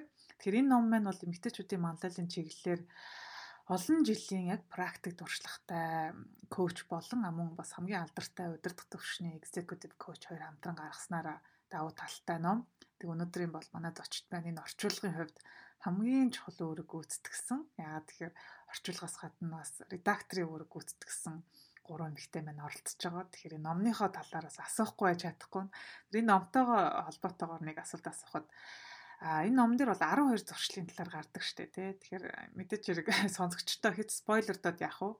Гэтэ та гурвын хувьд энэ номыг уншихад хамгийн их өгөөчтэй хамгийн их зүйл ойлгуулсан ямар дадал зуршлаа ямар зуршлаас өөрийгөө илүү сайн олж харав. Яг нэг нэг зуршлыг өөр өөрсдийнхөө амьдрал тохиолдсон жишээн дээр онцлоод яриа гэвэл. За миний хувьд болохоор өөрийгөө болон эргэн тойрныхоо бусад эмэгтэйчүүдийг хамгийн их олж харсан зуршил гэвэл зуршил юус буюу жижигрэх гэдэг зуршил юм шиг санагдав. Тэгээд яг уу би болохоор гурван зуршил дээр ажиллаж байгаа. Тэгээд нэг нь энэ зуршил 9 байгаа. Тэгээд та бүхэнтэйгээ бас яг уу хуваалцъя гэж бодож байна. Сонсогч манаас жижигрэх гэж юу юм болоо гэж одоо бодож байгаа бах тий. Аха. За товчхон ихлэ тайлбарлчих тийм ээ. А тэгэхээр нөгөө эмгтээчүүд эрэгтэйчүүдээс илүүтэй өөрийгөө айгүй тийм агшаах, жижигрүүлэх байдлаар илэрхийлснээр бусдын өмнө хэлэх гэж байгаа бодол санаа байдаг юм уу эсвэл саналаа илүү ач холбогдлыг бууруулж идэг юм байна л да. А энэ байдлаар илэрдэг вэ гэхээр ихэвчлэн хоёр байдлаар нэг нь биеийн хилэмж нөгөөх нь үг хэллэг. За биеийн хилэмж нь юу байж болох вэ гэвэл гар хөлөө хумж суух, биеэ чангалах эсвэл нөгөө нэг сууж байгаа суудлаа ч юм уу хажуу тийшээ олох зай тавих гэх мэтэр а тэгээд дэвтэр цаасаа урдаа тавьсан зүйлсээ хүмж ингэж өөрсдийгөө жоохон жижигрүүлдэг юм байна л да. Жишээлбэл хэдүүлээ нэг жишээ аваад үзье. Би бас саяхан анзаарсан гэдэг. Аа 10 түнтэй хурлаагаа хгүй юу? Аха. Тэг гаднаас нэг хүн ороод ирлээ. Тэгсэн чинь сууж байгаа хоёр эмэгтэй нь өөрөө ирэхгүй ингээд нөгөө хүндээ зай тавьж өгж байгаа юм яг шууд бол босоогүй. А тэгтээ зай тавьж өгч байгаа юм шиг жоохон биеэ ингэж хажуу тийш нь болгоод тэгээд дэвтэр цаасаа өөрийнхөө урд ингээд арай жоохон хөрнөөс уучж байгаа байхгүй юу. Тэгэхээр энэ нөгөө нэг нэгдүгээр бусад хүмүүст одоо өөрийгөө тийм ч чухал биш гэдгийг мэдрүүлдэг. Нөгөө талаасаа тархинд автоматар тийм мэдээлэл очдөг юм байна. Чи тийм ч чухал хүн биш шүү дээ гэд. Тэгээд үүнээс хойш хийж байгаа үйлдэл гаргаж байгаа саналууд нь харьцангуй тийм өөртөө ихтэй биш болчдөг юм л дээ. Тэгээд яг ингээд та нар ч гэсэн дараа нь анзаараад үзээрэй одоо тиймэрхүү тохиолдолд эмэгтэй хүмүүс ямар хариу үйлдэл гаргаж ийн вэ гэдгийг. За тэгээ нөгөөх нь болохоор үг хэллэг. За эхнийх нь бол би бол байнга хэл уучлаарай. Шаардлагагүй юм байсан ч өө уучлаарай ч гэдэг юм уу. Өөр ямар үг хэллэг байдгүй гэвэл ганц зөвхөн girls гэдэг эсвэл ямар нэг санал хэлэх гэж бол энэ тийм чухал биш ч байж магадгүй ч юм уу эсвэл та өмнө тухай сонссон байх л та тэгтээ гээл тэрийг аюул хүмүүс хэрэгэлдэг те. А энийг тийм сонссон байх л та гэхдээ би хэлчихье гэл ярианыхаа ихэн заавал нэг тэгж хэлдэг штэ зарим эмэгтэйчүүд те. Харин тийм тэгэхээр нөгөө нэг үүнээс хойш хэлэх гэж байгаа санал чинь а тийм чухал биш юм байна гэсэн мэдээлэл өгч байгаа тийм тэгэхээр таны хэлж байгаа зүйлийг бас тийм оош авахгүй явах магадaltaй. Энэ дээр бас нэг хэлэгдэж байгаа санаа нь болохоор эмэгтэйчүүдийн тарих эрэгтэйчүүдийнхээс арай өөр ажилтдаг. Тэгээ илүү олон зүйл төвлөрдөг тийм ээ. Нэг байгаа газараа 100% ингээд байж чадахгүй олон юм бодож идэг болохоор харилцсан ярилцж байгаа хүнээ ч юм уу эсвэл хийж байгаа ажилдаа бүрэн төвлөрөхгүй байх магадaltaй. Тэгсэн тохиолдолд бас одоо жижигрэх гэдэг үйлчлээс гаралтай эффектүүд үр үр дагавар гард юм байна л да. Тэгээд хэрвээ үнэхээр тархичин хэтэрхий олон тийшээ ажиллаад төвлөрч чадахгүй байгаа бол 5 юм уу 10 минутын бясалгал хийж бас болох юм байна. Аа тэгээд би зүгээр яг энийг хэрэгжүүлж эхлэхээс өмнө бясалгал хийж эхлэхээс аж айгүй боддог байсан л та. 20 онд хэрэгжүүлэх гэж байгаа нэг хоёр бяцхан зуршлын маань нэг нь бясалгал хийх. Тэгээд одоо нэг 7 хоногт ядаж 5 удаа 10 минутаар бясалгал хийж байгаа. Тэгээд тарих бол айгүй гоё амард юм билээ. Тэгээд үүнээс хойш хийж байгаа ажил ч юм уу эсвэл амрах гэж байгаа бол маш гоё төвлөрч чаддаг. Тэгээ сонсогчдоо бас нэг зөвөр бяцхан зөвлөгөө өгөхөд хэрвээ та нар бясалгал хийж эхлэегүй болвол Headspace гэдэг нэг аппликейшнийг бас санал болгоё гэж бодож байна. Тэгээд миний хувьд бол нэг иймэрхүү жижигхэн үйлдэлүүдийг хийж эхэлж байгаа. Гэхдээ өөрчлөлтүүд нь удахгүй үзэгдэх баха. За баярлалаа. Бүртөө дүлгэн хоёрын маань хувьд ямар зуршил байсан бэ? За энэ номыг уншихаар айгүй их сонио. Наач өөрийнхөө талаар уншаад байгаа юм шиг санагддаг. Тэгэхээр юу гэдэг а нэлээд олон зуршил одоо номон дээр дургаж байгаа нэлээд олон зуршил авдаг байсан. Хамгийн одоо надад юу гэдэг хэцүү гэх юм уу? Нэг тийм зуршил нь болохоор үр ашгийг үл тоох гэсэн энэ дөрөвдүгээр зуршил байгаа байхгүй. Энэ яадаг юм гэхээр одоо эмэгтэй хүмүүс чинь ингээл хүний хавийг сайн болдог те харилцаа холбоо хүмүүстэй сайн тогтоодог ингээ network ерөнхийдөө хүрээлэл бол сайн хийж чаддаг гэдэг юм. А тэгэнгүүтээ тухайн network-оо өөрийнхөө одоо ажил карьерээ нүү ямар зөвөр мөрийн юмны төлөө ашиглагтай айгуу тааруу гэдэг байхгүй. Харилцан ашигтай байдлаар өөрөө таньдаг хүмүүстэйгээ холбогдож штэ юм хүмүүс санал дэвшүүлэх бие биендээ ингээд туслая гэдэг ч юм уу. Тэгэнгүүт энэ бол нэр үнэх анх англи хэл дээр нь энэ номыг уншихад Ингээл эхлээл хүн чинь айгүй дефенсив болж эхэлдэг. Өөрөө айгүй нөгөө гэвэл одоо тэр чинь хамгаалдаг те. Аа хаста юу ярьдэ энэ бол Монголд нэг Монголын хөрсөндөө буухааргүй зөвлөгөө байна гэж бодоод те. Аа тэгэнгүүтээ дараа нь болохоор дахиад нөгөө орчуулгын явц уншиж байгаа юм чинь. Тэгэл редакцийн явцад бас өчнөл одоо уншлаа. Тэгэл явж явах чинь үнэхэрийн л юмдээ яг номон дээр дурддаг. Ийм шалтгааны улмаас эмгтээчүүд одоо үр ашгийг одоо харилцаа холбооны үр ашгийг үл тоогод идэм аа гэдэг шалтгаанууд үнэхээр надад бол яг амьд бод жишээгээр байгаа байхгүй юу. Жишээ нь ингээл ярьж байгаа одоо юу гэдэг нь би тийм залтай эмэгтэй биш гэдэг ч юм уу. За одоо эсвэл өө би хүний нэг ашигладаг ч гэдэг ч юм уу тий. За эсвэл би өстө хүнтэй харилцахдаа яг хүн гэдэг зүгээс нь л хардаг мардаг гэл тий. Ашиг хонж харахгүй магадгүй нэлээ. Ядсан бүр юм шалтгаан ярьдаг гэдэг байгаа байхгүй юу. Тэр яг бодит байдал дээр над дээр ч гэсэн ингэдэм билээ хүний өөр хүний төлөө ч юм уу те нийгмийн сайн сайхны төлөө ч юм уу эсвэл одоо байгууллагын төлөө ч юм уу болохоор өсто нэрээ хамаг байдаг одоо таньж мэддэг хүн рүүгээр бид нэр хуртаяа гүйж чад холбогдоод ингэж байгаа тэгж байгаа гэж гүйж чаддаг. А тэгмүүд яг өөрийнхөө төлөө болчоор ингээд шууд саргалал ирдэг. Цаанаасаа нэг хиймэргүй санагдал. Тэгээ яг энэ зуршлыг бол үнэхээр миний одоо хамгийн том одоо бодит юу гэдэг нь энэ дээр ажиллах хэрэгтэй гэсэн зуршил маань энэ байгаа. Гэтэ яаж ажиллах вэ гэдэг дээр стил одоо бодож л байна. Тэгээ баг багаар урт хугацааны явцад юу гэдэг баг багаар хэрэгжүүлсээр аа өөр юм болох ахalta. Олон эмэгтэйчүүд маань сая бүртөөгийн хэлсэн энэ зуршилтай бас санал нэгдэх байх гэж бодож байна. За манай хоёр дээр гарч байгаа жишээнд надад ч гэсэн ирэхэд тохиолдсон. Тэгээд ялангуяа номын нөө редакцийн ажлыг хийгээд дахин дахин уншиж явах ирэхэд баг айгу танд ортол бас нэр юм буруу шүү те ийм зуршлаа засахсан гэсэн юм бол айгүйх гарч исэн. Аа сайн манай хоёрын дуртайгүй өөр бас нэг чухал магтгүй хүн төстэй сэдв бол энэ зуршил 7-оор гардаг энэ төгс төгөлрийн зангах гэдэг зуршлын тухай байгаа. Энэ нэгэд юу гэж юм гэхээр эмэгтэй хүмүүс эрэгтэй хүмүүстэй харьцуулахад харцангуй одоо гэх юм нөгөө жижигэн деталь болгоныг төгс байлгахыг аяг хичээдэг тий. Ажлын процессоос одоо кайф авахаас илүү илүү одоо баг алдаа нь юу вэ тий оноо нь юу гэдэг дээр аяг сүлжүүлснээс болоод эргээд яг нөгөө ажлын үр дүн маань бас тэрнээ шалтгаалаад буурах өөрөө нөгөө талаас бас сэтгэл ханамжинд буурах тийм тохиолдол нэлээд гардаг гэдгийг номны номны одоо жишээнүүдээс бас нэлээд харж байна. Миний хувьд ч гэсэн нэлээд одоо тийм тохиолдлууд эргээ бодглохлаар байдаг. Одоо шинэ репорт бичлээ гэж бодоход заавал одоо деталь болгоныг өөрөө хийн гэдэг ч юм уу тийм заавал төгс байлгана гэдэг ч юм уу тэрнээс шалтгаалаад эргээ процесс процессоос кайф авахаас илүү алдаа гаргачих үедээ төгс байх ёстой шүү гэсэн нэг тийм бодол маань хитрхи их давмгааснаас болоод эргээд яг энэ маань одоо ажлын одоо тэр гүйцэтгэлийн чанарыг бууруулах аа миний өөрийн сэтгэл ханамжийг бууруулахад нэлээд нөлөөлдөг юм шиг санагдсан. Тэгээ энэ дээр бол ажиллая гэж бодож байгаа. Аа. Бас л бас бид бүгдийн л бүгдээрээ санал нэгддэг нэг дадал байна. Миний хувьд болохоор холбоотнуудтай болохоос алгуурах гэ тэ зуршил тав дээр бол их ойр санагдчихсэн. Аа жишээлбэл одоо хүний нөөцийн жуулчлалын компанид өмнө ажилладаг байхад дөнгөж ялангуяа ажилд ороход надад юу анзаарчихсан бэ гэхээр эхний өдрөөсөө эхлээл би өөрөөсөө өөрийнхөө биеийг да илүү сайн ажилтан болохоо одоо бусдаа харуулъя ч гэдэм үү те. Илүү улам хичээ гэдэг бодол төрж исэн болохоос биш одоо бусдаасаа асуу одоо дөнгөж ажлын ихний өдөр дуусаад одоо жишээ нь би яасан бэ гэхээр рекрутменттэй холбоотой хүний нөөцтэй холбоотой олон номыг бүгд энийг нэгэнгүү уншаад LinkedIn-тэй холбоотой бүх номыг баг барьж авч уншаад өдөр шөнөгүй тэгж уншихын оронд одоо магадгүй те одоо тухайн зүйлийг хамгийн сайн мэддэг хүмүүс дээр очиод ямар зөвлөгөө өгөх вэ юу яаж хийвэл илүү сайн болох вэ ч гэдэг юм уу бусдынхаа зөвлөмжийг авсан бол одоо эргээд харахад илүү их зүйлийг хамгийн гол нь хурдан хугацаанд суралцах боломжтой байсан юм шиг санагддаг. Тэгэхээр одоо бусдад сул дараа харагдахгүй ч гэж бодсон юм уу? Одоо өөрөө л маш сайн хичээвэл боломж гэж бодсон юм уу? Тэгэхээр миний хувьд л яалтчгүй холбоотнуудтай болохоос алгуурах гэдэг зуршил их ойрхон санагдж ирсэн.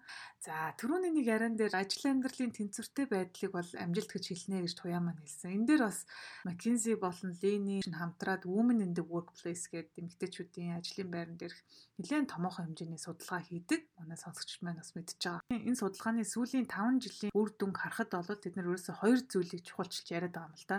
А нэгдүгээр бол эмэгтэйчүүд удирдлагын төвшөнд ахиж ажиллах ажлын байран дээр яг нөгөө менежер буюу удирдлагын төвшөнд очих яг тэр одоо хэлбэлцэл тэр транзишны үед л хамгийн хэцүү байдаг гэсэн судалгааны үндэслэл гарсан байсан. Мэдээч хэрэг олон хүчин зүйл дурддагцсан. А гэхдээ туяагийн хэлсэнчлэн work life balance гэхээс илүүтэйгээр flexibility гэдэг үг их гоё санагдаад байгаа сүлээ. Энэ талаар бас хэдүүлээ ярилцахгүй байж болохгүй бах тий. Тэгэхээр үнэхээр бүгдийг амжуулаад явна гэдэг хэр зэрэг бодит хүлээлт юм бэ? Одоо миний хувьд чинь миний хувийн бодол юу вэ гэхээр одоо нөгөө Sheryl Sandberg-ийн хэлдэг шиг you can have it all гэдэг бол ерөөсөө огт боломжгүй зүйл гэж би бол хувьдаа үздэг. А юу боломжтой вэ гэхээр яг нөгөө хамгийн чухлаар нь ирэмблж байгаа л тодорхой нэг цаг хугацаанд магадгүй би карьераа илүү чухалчлах бах тий. А дахиад тодорхой нэг цаг хугацаанд одоо илүү гэр бүлтэй илүү цаг зарцуулах ч юм уу. А илүү ажилтаа байгаа үедээ төр зур одоо гэр бүлээ орхитуулах зүйл байгаа шүү дээ. А гэр бүлдээ цаг гаргах хэрэгтэй үедээ ажлаа арай багасгах ч юм уу. А тэгээ ерөнхий зураглаар нь бол тэнцвэртэй юм шиг мөртлөө яг тухайн цаг мөч бүхэнд очихлээр яг бүгднгийн нэгэн зэрэг одоо тэнцвэртэй амжилттай байна гэдэг бол миний хувьд ямар ч боломжгүй зүйл шиг санагдаад байдаг байхгүй юу. Тэгэхээр таагуурын хувьд ажил амьдралын тэнцвэр гэж юу вэ? Тэнцвэр гэж юу? яг намайг ярьсныг сая сонсохоор ингээд үнэхээр үний юм байна л гэж боддог чинь яа тэгэл ямар нэг цаг хугацаанд үнэхээр аль нэгэд баланс нь алдагдчих гад идэг. Тэгэнгүүт ингээл буцаал өөр нэг юм руу оронгууд дахиад нөгөөх нь алдагддаг ч юм уу. Тиймэрхүү байдлаар ер нь бол өдийг хүртэл явсаар ирсэн л дээ. Мэдээж энэ хитрхи стресстэй санаа зовоод нэг хүний хийдгүй юм хийцэн юм шиг байх хэрэггүй байх л гэж бодож чинь тэгээд ном дээр маань бас нэг нэг эмэгтэйчүүд өөрсдөө айгүйх буруутдаг гэж гарч ирсэн байна. Эмэгтэйчүүдийг за тэр ялангуяа бүр Монголд байгаа эмэгтэйчүүдийг коуч хийхээр дандаа аюух тийм асуулт асуудаг байхгүй сайн ихнэр баймаар байна. За тэгээ дээрэс нь бүр үнэхээр сайн ээж баймаар байна. А тэгээ ажил дээрээ болохоор бүр карьерийнхаа хувьд бүр амжилттай овшаал дэвшээд бүр хамгийн мундаг нь аймаар. А тэгээ дээрэс нь найзуудынхаа хувьд их сайн найз баймаар цаг гаргамаар байна, сайн охин баймаар байна. За сайн нийгмийн тэтгэлтэн баймаар байна. За тэгээ сүүл рүүгээ бол бүр одоо сайхан эмэгтэй баймаар байна, тэ. Тэгэхээр энэ чи яаж ийм ихэр ерөөсөл төгс төгөлтрийн нөгөө занг нь олоод ерөөсөө ямар ч хүн энэ бүгдийг зэрэг аваад явах боломж бол байхгүй шүү дээ тий. Тэгэхээр бүгдийг энэ байлгах гээд байгаа тэр хүлээлт expectation нийгмийн хүлээлт чи өөрсдөө эмгтээчүүд магадгүй сэтгэл готролд оролтон стресстэл нь байгаа болов уу гэж боддог л доо. Түлхүүн бүртээ хоёр маань энэ тал дээр юу гэж бодож байна?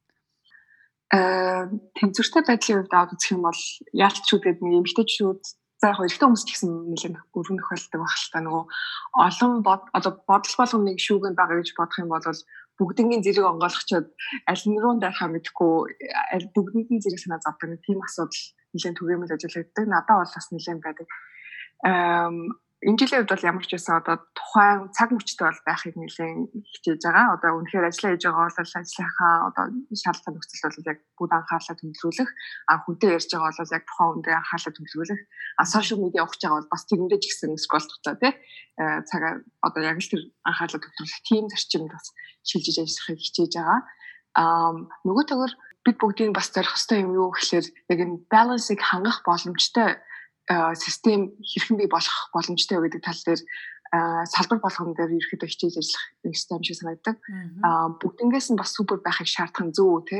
Аа нөгөө талаасаа бас супер байхыг шаардж байгаа бол тэр нөхцөл боломж нь бас айл айл талаасаа яаж бүрдэх вэ гэдэг дээр салбар хооронд маш сайн хамтын ажиллагаа өрнүүлээд түүн дээр үндэслээд энэ системийн бас илүү өөрчлөлтөр айл айл талаасаа санаа зовох нь зөв юм болов гэж байна. Нөгөө цэцэрлэг сургуулиас эхлээл нийгмийн оролцоо гэл бүх зүйл нь хоорондоо холбоотой болчихж байгаа юм л да. За бүртөө маань юу гэж бодож байна? Аа за яг над нийгмийн хүүхдийн сургууль цэцэрлэг гэдгээс ч л эхэлж байна та. Миний хувьд бол ерөөсөө баланс гэдэг юм чи ерөөсөө тий заримдаа бол нэг нэг шуурганаас нөгөө руу явж идэг нэг юм байгаа байхгүй юу. Тэгээд бүр ээлтэй хэлэх юм бол одоо баг манай томын одоо тий үлрэлийн шалгалт малгалтаа тэр 7 хоногуд бол за тэгээд баланс гэдэг юм бол ерөөсөө алдагдаад тий ерөөсөө нойр мойр гэдэг юм чинь бол ерөөсөө дараагийн асуудал болоод ингэ явдаг. Аа тэгэхээр та хэдийхээ яриаг сонсоод бас их дотроо жил да. Ер нь бол бид нар бид дөрөв бол баг л яг тийм төгс баланс гэдэг юм бол үгүй байхгүй гэдэгтэй баг санал нэгдээд ах шиг байна. Би ч гэсэн ер нь бол айгу одоо тийм нэг юм худлаа нэг юм тийм чуур гэх юм уу юу юм баг тэрийг бид нар буруу гэдгийг нь баталчаад байгаа юм шиг санагдаад байгаа байхгүй юу. Аа би Брайан Трейси гэдэг нэг хүний уншдаг эссе. Тэр хүний нэг хэлдэг хөөх үгүүдээ back to the zone гэдэг. Тэр юу гэсэн үг вэ? Одоо өөрийнхөө ажил амьдралдаа тийм ээ тодорхой хэмжээний энэ хөдөө баймаар байна гэсэн хүний нэг хүсэл бодол нэг юм зорилго байдаг дээ. Яг тухайн тэр гоё ритм тэр амьдралынхаа хэв маягаасаа ингээд заримдаа гарчдаг те. За тэр хүүхдээ сургуулаас байна уу, ажлын яд ачаалаас байна уу, өөр эрүүл мэндээс байна уу те. Юу вэ? Тэг гарсан ч гэсэн it's okay гарч олноо. Тэг жоохон байж байгаа харин буцаал эргээл нэг өөрийнхөө зондоо өөрийнхөө тэр амьдралынхаа хэв маягтаа ор гэдэг. Ялангуяа эмэгтэй хүн бидэрт айгүй тийм юм хэмдэ айгүй хөөрхөн санагдаад байгаа бид нар ингээд салбар юм болгоноор амьдралынхаа одоо тий ажил карьер бүх юм дээр ийм тэр балансаа барьж сайн байж өгч чадахгүй тийм болохоор өөрсдөө жоохон бүлийн зөвшөөрөөд за тий хаяа нэг аль нэг тал дээр жоохон хоцрон. За it's okay. Өөр өөргөө бүр нэг зовоогоол тий сэтгэл санаагаар дарамтлаад тэгээл яхан бол нөгөө мохоч төрийн тойрог орчиж байгаа байхгүй яагаад вэ гэхээр бид нар ч одоо юу гэдэг тий ар гэрийн асуудалтай яхан бол ажил дээрээ хичнээн биеэр байгаа ч гэсэн бүрэн 400% анхаарлаа хандуулаад төлрүүлээл үр дүндээ одоо тий сайн бай гэхээр байж чадахгүй байхгүй юу. Тэгээд тархины нэг цаана нэг жижиг асуудал ингээд бодогдоор тий. За одоо нэг хүүхд өвчтэйгээ одоо яаж байгаа ялаа гэдэг эмчтэр аваач хэвчээс одоо эмчтэй нэг э, сайн ярьж хамаг юм бичиж авч байгаа юм болов уу үгүй болов гэдэг ч юм уу юу ч хэдэ. Тэгэхээр юу гэдэг бид нар өөрөө өөрсөндөө жоохон юм үйл ялэг зөөлө хандж явах зүгээр юм болов уу.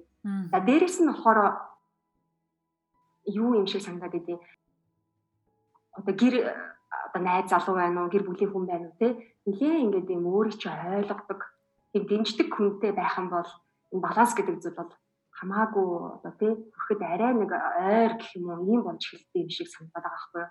Одоо ямар одоо юу гэдэг өмнөх насны буйнаар гэх юм уу сайн одоо ойлгодог юм хантай учирсан манай он айгүй юм амайг ойлгож дэмждэг. Аа тэгээд гэхдээ энэ дээр бас тав талаас бол юм шаардж байгаа байхгүй. Миний хувьд болохоор нэгэн нээлттэй их хот одоо юу гэдэг нь нээлттэй юм харилцаа холбоо ерөөдөө аюу чухал юм шиг санагдаад байгаа юм. Одоо би жишээ нь юу гэдэг нь ажил дээр үнэхээр асар их одоо дедлайнтай асар их ажилтаа тэгэл оройчин те 9 10 11 гэж очин заримдаа тэр болгондоо ингээл сайхан тайлбарлаад урьдчилж хэлээ ч юм уу. За эсвэл юу гэдэг нь те хүүхдийн янз бүрийн одоо гэр орны юм болоод гэр орноо бүр нэрээ үнэхээр одоо янз бүр цэвэрлж чадахгүй тийм ээ аль аль нь завгүй Тийм бол бид урьдчилал хилдэг ахгүй юу? Хөшөө юм юу байгаа шүү гэл. Гэрээ даалгар нийлэх цаашлаад ороод ирэхэд чөхөн амир байгаа шүү гэл урьдчилал хэлээ. Нь одоо юу гэдэг жижиг сажигнаас ахуулаад том асуудал ер нь ингээд юм ил тод те сайхан ингээд юм хоорондоо яриа өртөө ингээд байх юм бол мэдээж ирээр хүн л болсон хойноос ойлгох хэлгүй. Баярлалаа бүртөө би бас чамайг ярьж байхад бодоод суучлаа. Сонсогчд маань бас их гоё гоё зөвлөгөөг сонсоод нэрэл тийм байх та гэд нэлээд олон зүйлийг ойлгож авсан болов гэж бодож байна. Бүх зүйлийг төгс хийхийг хичээдэг. Төгс эмхтэй, төгс ээж, төгс найз охин, төгс ихнэр, төгс ажилтан гэдэг бодолтой байгаа бол яг одоо бодлоо өөрчлөөсэй гэж бас уриалмаар байна. Яг нөгөө Мишель Обамагийн хэлснээр тий you can have it all гэдээ ярьсан чинь nope not at the same time гэж хэлсэн шүү дээ тий. За подкаст маань ерөнхийдөө дуусах тийшээгээ хандж байна. Дуусахаас өмнө октоудаас 2 3 асуултыг асуу гэж бодлоо. Тэгээ хамгийн ихний асуумаар байгаа зүйл бол өөртөө итгэл. Өөртөө итгэлтэй эмэгтэй гэж хэнийг хэлэх юм гээл дахиад нэг асуудал гарч ирнэ л тий. Тэгэхээр би октоудаас нэг асуух хүсэх зүйл байна л да. Юу вэ гэхээр бүгдээрээ одоо дөрүлээ нүдэн ани би энэ коучинг техник дээр их ашигладаг юм л да. Тэгээ ингээ нүдэн анаа өөртөө ихтэй өөрийгөө их тийм сайхан мэдрэмжтэйгээр гэж төсөөлөө бодъё л да тий дуртай газраас ирж байгаагаар одоо 10 жилийн дараа ч юм уу 5 жилийн дараа тий хүссэн ажлаа хийдэг одоо таны амьдралын зорилго юу юм хүн болгоных л өөр ах. Тэгэхээр яг тэр нэг өглөө сэрж байгаа мэдрэмжийг бодъё тий. Тэгэхээр та гурвын хувьд тэр сэрж байгаа дүрслэл ямар хуу дүрслэл байна. А тэгээд цаашлаад миний хамгийн гол асууж байгаа асуулт маань ер нь өөртөө ихтэй байна гэж юу хэлээд байгаа хүмүүсийн өмнө те одоо айгүй амбицтай, агрессив ямар ч юмд үгүй гэж хэлж чаддгүй хүний хэлээд байгаа мó. Эсвэл нөгөө англиар ярьдаг comfortable in your own skin гэ те. Яг өөрийнхөө байгаа байдал чин сэтгэлээсээ сэтгэл хангалуун тэр хүний хэлээд байгаа мó. Та гурав маань юу гэж бодож байна? Залуу залуу хүмүүс зориулж бас те а энэ асуултыг бас бодож байгаа гэж л да. Тэгэхээр намааг одоо би ч гэсэн одоо ч гэсэн залуу те. Гэхдээ ерөнхийдөө нэг 20 идтэй ахтаа надад нэг үгүй амьдралын маань одоо ингэ харах үнцгийг жоохон өөрчилж их юм уу, сайжруулж их юм уу хүсэх хэдэд нэг зүйлс байгаа юм. Тэрнтэй нэгийг харьцуулахаар аа жоохондоо би чинь нэг шири шири вайн одоо янз бүрийн аа ном момыг уншдаг байсан. Тэгээд амьсгалын дасгал энэ тэрийгээр тэгээд тэр хүний ерөнхийдөө нэг ярьж ирсэн юм юу вэ гэхээр хоёр юм хэлмээр санагдал та. Нэг нь болохоор ингээд монголоор одоо юу бэ нэг хүний одоо хөшгөлж байгаа бөмбөг битгий болоо гэд. Нэг бас юу гэхээр ингээд бусад хүмүүсийг ингээд сонсоол байх юм бол тийм ээ. Бүгдээр ингээд өөр өөр өнцгөөс янз бүрийн комент хийлэн фидбек өгнө. Тэгээд яг хүнээс авж байгаа энэ санал гэх юм уу янз бүрийн энэ яриаг нь сонсож тухай бүрт нь одоо өөрийгөө өөрчилж өөрийгөө засах гэж оролдоод байх юм бол хизээж одоо ингээд ийм өөрөөрөө чигээрээ явж чадах бөмбөг биш харин хүн хоорондын хөшөлж байгаа бөмбөг болно гэдэг Тэгээ энийг аюу хөөрхөн юм өдөр жишээтэй ярьж исэн. Тэгээд хоёр дахь бас нэг одоо юу гэдэг юм нь юу гэхээр зүгээр л хийж байгаа юм да гэх юм өөрийнхөө юу л идэв тэр хийж байгаа юм да? Зүгээр л 100% нэг юм чадлаараа л хийчих гээд. Тэгэх юм бол тэгээд тэр үр дагавраар тэр үр дүн тэр бол үнэхээр юм одоо ач холбогдол баг болчихно гээд. Харин та өөрөө сэтгэлээрээ гэх юм уу хичээсэн үг хичээсэн. Аа тэгээд дараагийн гарч байгаа үгдэн бол юмсан хамаа алгаа гээд. Тэгээ надад айгүй гой санагдчихсан л да. Яагаад вэ? Яг үнэхэрийн нэг одоо үнэхэрийн том гоё арга хэмжээ зохион байгуулж чад би 100% өглөө те. Хамаг байдгаа зарцууллаа, хамаг сэтгэлээ орууллаа, цагаан хүртэл орууллаа те. Эрүүл мэндээрээ барал одоо юу гэдэг юу тавьж риск хийж ингэж хамаг сэтгэлээ зарцуулаад аа тэгээд тэгсний дараа бол нэрээ тэр арга хэмжээ нэрээ юу гэдэг үнэхэрийн төсөлжсэнаас болсон уу болоогүй тэр үгээр хамаагүй. Өөртөө ихтэйгээр одоо зохион байгуулчлаа гэж бодох байхгүй юу. Тэгэхээр одоо юу гэдэг нь өөртөө ихтэй эмэгтэй гэхэр нэг юм ямар ч гэсэн хит олон хүний үгийг байн байн сонсоод ингээд сэтгэл санаагаа байн хувиргадаг биш те. Өөр ингэсэн нэг жоохон үзэл бодолтой. За тэгээ дээрэс нь юм зүгээр нэг хичээж л ханддаг. Аа тийм байх юм бол тэгээд ер нь тэр гаднах төрөх юу гэдэг нь те залуу насны одоо цоглог байдал юу гэдэг ажлын амжилт гэр бүлийн амгалан тавил тэр бүх юм ерөөсөө дараагийн асуулт болчихж байгаа байхгүй юу. Үнэхээр л 100% одоо хичээсэн бол тэгээ одоо яах вэ? Тийм одоо хүнийг л өөртөө ихтэй эмгтэй юм болоо. Харин аа.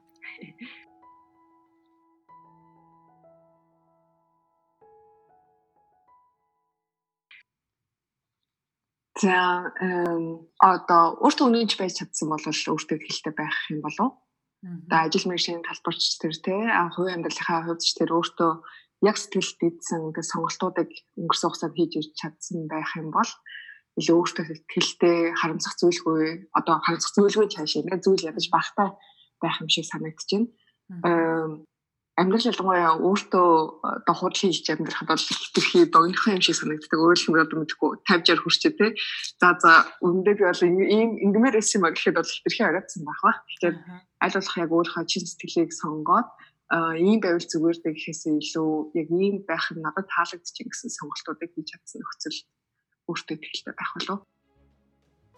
За түрүү намагийнхаа хэлснээр өөрийгөө өглөө босч байгаа төсөөлөд бодоход өнөөдрийн туяа бол яалтчгүй гэр бүлээс гэр бүлийнхаа нэг хэсэг болчихсон тийм ээ. Аа тэгээд миний өнөөдрийн ихтэй байдлыг би хамгийн гол нь гэр бүлээсээ авч байгаа.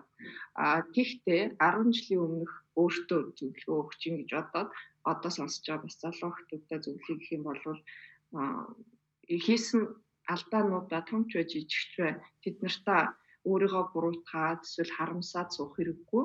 Яг тэгвэл угаасаа цаг хугацаа өнгөрөөд нэгдүгээр чинь мартагдана. А хоёрдугаар э, хэрвээ би тэр э, жижиг алдаануудаа хийгээгүй бол өнөөдрийн би би болохгүй байсан учраас алдаа хийхээс битгий хамгийн гол нь ямар нэг зүйл хий. А тэгээд хүн хизээч 100% өөртөө ихтэй байна гэж байдгүй хаа би бол тэгж бодож байна. Тэгээд ямар ч мундаг хүн байсан гэсэн тодорхой хэмжээнд дотор нь нэг айдас ч юм уу өөртөө ихтгэлгүй байдал байдаг. Тэгэхээр өөртөө 100% ихтгэлтэй болох мөчийг битгий хүлээ зүгээр л хий. Алдвал тэрлээд дахиад хий. Аа. Ямар гоё зөвлөгөө баярлалаа тэгээ өөртөө ихтгэлтэй байдлыг заримдаа бид нар бас нэг хит айхуу экстрим байдлаар хүлээж авах гэдэг юм шиг санагдаад тий. Одоо өөртөө ихтгэлтэй байдал бол ерөнхийдөө нөгөө arrogance буюу тий бусдын үзэл санааг одоо ингээд хүндэтгүү ч юм уу хит өөрийнхөөрөө бүр ингээд явдаг. Тийм ойлголтоос бас жоохон ондоо юм шүү гэдэг бас аа сан жоохон зүйтэй болов тийм ээ. аа тэгэл заримдаа бас нэг бүр 100% өөртөө ихтэй болчоор магадгүй өөрийгөө их сорхон багасчаад байна уу гэж өөртөө дүгнэлт хийдэг ч юм уу те. Хүн юм болсон амьдралын явцадаас нэг өөрчлөгдөх нь зүйтэй шүү дээ. Гэхдээ хаяа нэг өөрийгөө сарайл нэг ингээ явж хахтаа л бурууг л гэж бодоод байна.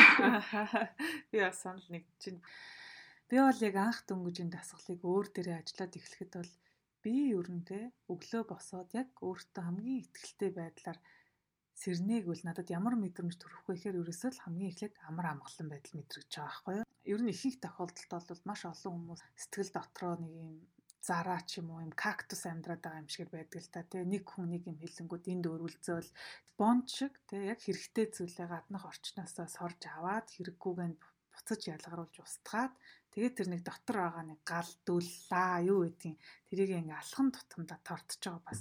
Өөртөө итгэдэгтэйхэр амар амгалан тэгсэн мөнөөс ирч хүч гэдэг хоёр үг мэдрэгдээд байдаг байхгүй.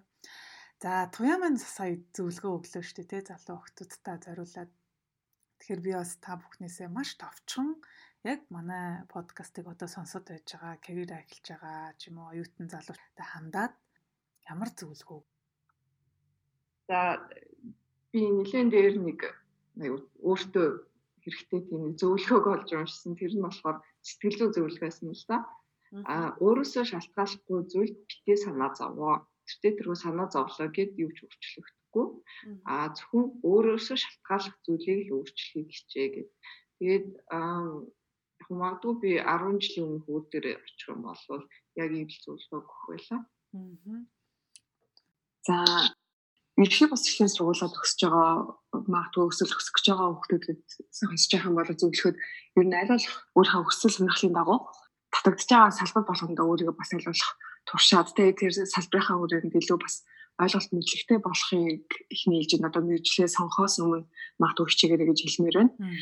Ялангуяа одоо өмнө нь бол бидний үед бол ялангуяа одоо гэх 10 жилээ төгссөн ба шууд их сургууль руу ордог тийм тогтолцоо бол яг одоо тогтвортойгоор явж ирсэн байгаа. Одоогийн хүмүүс бол харилцсангуу gap year гэдэг одоо нэг жилийн завсарлага авах боломж ч гэсэн яагаад байж болохгүй гэж гэж миний бодол хардаг.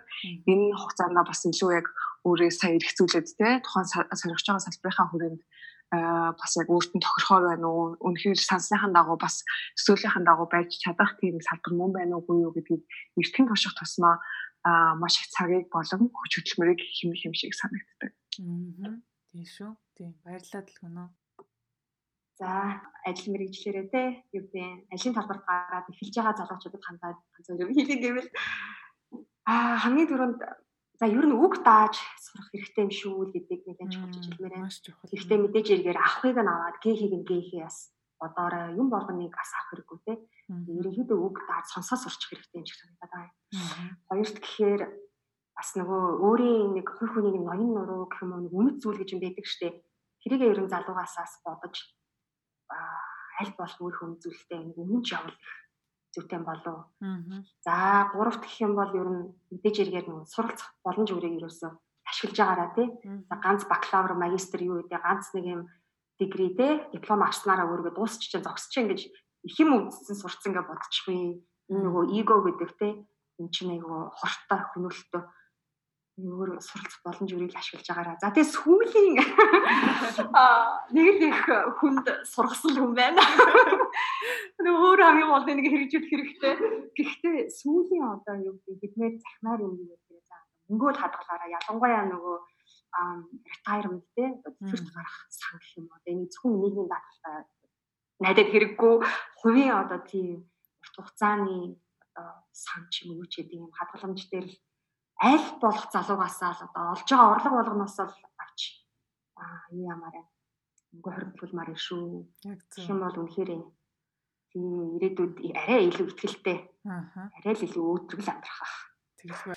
За, хэдүүлээ одоо төгсгөлт нь өөр өөрсдийн дуртай үг иршлиг хэлээд яагаад тэр иршлиг сонгосон бэ гэдгээ маш товчхон тайлбарлаад өнөөдрийн дугаараа төгсгөе. Яагаад ишлэг асууж юм гэхээр зүгээр нэг дуртай код те нэг оо клише үг сонгох сонгож хэлгэсэндээ биш л те хамгийн гол нь та нарын хувьд ямар үг өгүүлбэр ямар ишлийг сонсоод урам зориг автыг гэдэг маань залуучуудад урам зориг өгөх болов гэж итгэж байна. Тэгэхээр ямар үгнүүд сонгосон бэ? Одоо хүн болгоныг мэддэг үг агаа юм. Гэхдээ одоо үний юм одоо боддоор л одоо хэлэхээс эзэн хичээл заяа ачаа гэдэг өгдөх үгэнд бол одоо нэрээ хамаг юмараа итгэлээрээ их юм үлддэг. Эзэн хичээл заяа ачаа нэг. Уу одоо тэггүй ялангуяа нэг багасаа гэх юм уу тустаа гараад ингээ явах хичээлгүй. Тэгэл ер нь амьдрал чинь тэгэл амжилттай нуу хэцүү юм байна уу те юм болгоно гэж яг ч мэдгүй өөрөө хичээгээл байвал юм бүтээд болдог юм шиг санагдаад байдیں۔ Тэгэхээр одоо юу гэдэг нь та одоо тий гуйгалж гин үү хэцүү байдалтай байна уу эсвэл үнэхээр энэ сайхан явж гин үү хамаа алга ерөөхдөө цаа хичээгээл явбал ирээдүйд чинь тэгэл хизээ нэгэн цагт тэр үр өгөөж өгнө энэ одоо хичээл сэтгэлийг чи үр өгөөжийг тэр нь л одоо итгэдэг штэ. Ямар гоё. Ер нь Монголын хувьд миний хувьд ч гэсэн эзэн хичээл заяа чинь үнэхээр юм гоё санагддаг. Яалтч үнэхээр гоё үг. Одоо миний би бас туяа дүлгэн хоёроо бодож хооронд хэлэхэд Миний хувьд бол их энгийн юм шиг мөртлөө надад анх сонсоход one day or day one гэдэг үг их хүчтэй санагдчихсан. Тэгээд нэг л өдөр гэж хүлээх юм уу эсвэл эхний өдөр нь гээд яг одооноос эхлэх юм уу гэдэг утгаар бол би өөрийнхөө хэмжээнд ойлгож ирсэн л та. Тэгээд одоо л ингэчвэл одоо сургуулаа төгсчүүл тэгээд эсвэл одоо юу гэдэг хүссэн газраа л ажилчвал яг ингэн маргаашнаас эхлээл яг нэгдгээс эхлээл за яг нэг сарын нэгнээс эхлээл гэж хизээч дуустдаггүй шүү дээ тий тэрний оронд яг одооноос эхэлж явах нь хамгийн зөв зөвтэй санагддаг. Тэгээ энэ үгийг бол би дэвтэр болгоно тэгээ хамгийн ихний утсан дээр байдаг. One day or day one гэдэг. Миний дуртай үг болохоор англиар collect moments not things гэсэн үг байгаа. Монголоор хэлбэл эд зүйл биш дурсамжийг цуглуулаа эзүүл цуглуулахаас илүүтэй дурсамжийг бүтээвэл а хүний амьдралд илүү үлддэг аа тэгээд одоо насны эцэст дурсах төрөлтэй болдсон болов аа тэгээд хүмүүс бас нөгөө их аялах дуртай шүү дээ. Би ч гэсэн шинэ газар явах очихайгүй дуртай. Аа хэрвээ одоо гадаад явж амжихгүй байлаа гэхэд Монголынхоо бас нэг очиж үзээгүй шинэ газараа ч юм очиод үзсэн байхад бол ямар ч л байсан ямар нэг зүйл ойлгосон эсвэл гой дурсамж үлдээсэн байдаг. Аа тэгэхээр нөгөө нэг аялах юмтай холбоотой юм болов. Аа. Хоёр үг хэлхэн зүйтэй юм болов. Нэгдүгээр нь хаялцчгүй санаа зөв бол заяа зөв гэж би альва ажлыг ч юм уу те юу хийсэн бай зарчмаа болгож баримтлахыг хичээдэг.